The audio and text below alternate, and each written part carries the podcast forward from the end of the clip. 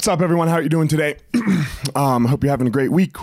Uh, man, I just had a good situation I wanted to talk about. So I was on a walk with my dog. I have a pit bull, uh, a very, you know, pit bull looking pit bull. And I was walking through the neighborhood, and this lady came up with her child. They were riding their bikes. To, he was riding his bike to school. And, you know, we said hello. We had a very friendly conversation. Now, my kids were about 200 feet behind her. So I went on a walk for my dog and set my kids out to school. They meet up with some friends and whatnot. Um, so, you know, uh, I say hello to the lady and then she walks off. So she walks, you know, 150 feet or whatever. And then my kids come up and I am getting control of my dog and putting him, doing, you know, training him, doing things that I, I'm making him listen to me, even though. Uh, my kids are approaching, which is a hard situation because he sees them, loves them, knows them, wants to like play. And they start to try to engage with him. And this lady turns around, doesn't know any of us, and says, Hey, come on, boys, let's go to school. Now, I have two ways that I can look at this situation. I can be very offended at, Hey, fuck off. These are my kids. Don't you worry you know, and we live in the day and age of being offended. Or I can be really, really happy that I live in a neighborhood where someone is looking out for the well being of my child.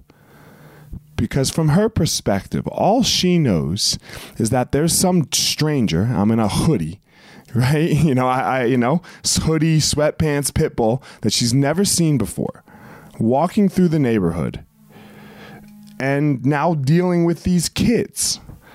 And, you know, I'm, you know, giving my dog commands in stern tones and, and all of this stuff. Um, I told I told my kid not to touch the dog because he was trying to touch the dog and I wanted to train the dog and she's hearing all of this. She could have walked off, right? She could have walked off and who knows what would happen. Or she just turned around and very politely said, "Hey boys, let's go to school." Man, how blessed am I? How blessed am I that I live in a neighborhood where somebody cares about my kids? What more could I ask for? It, with, with neighbors that don't even know me. Or I could be very offended. How dare you think that I would do something to these children?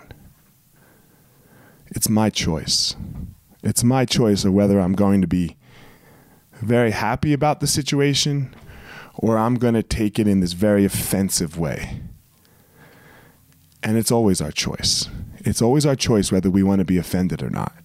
It's never what the other person did. It's not it's never that scenario. It belongs to you. Your offense belongs to you. It has nothing to do with the other person's actions. Choose wisely, my friends. Find your power.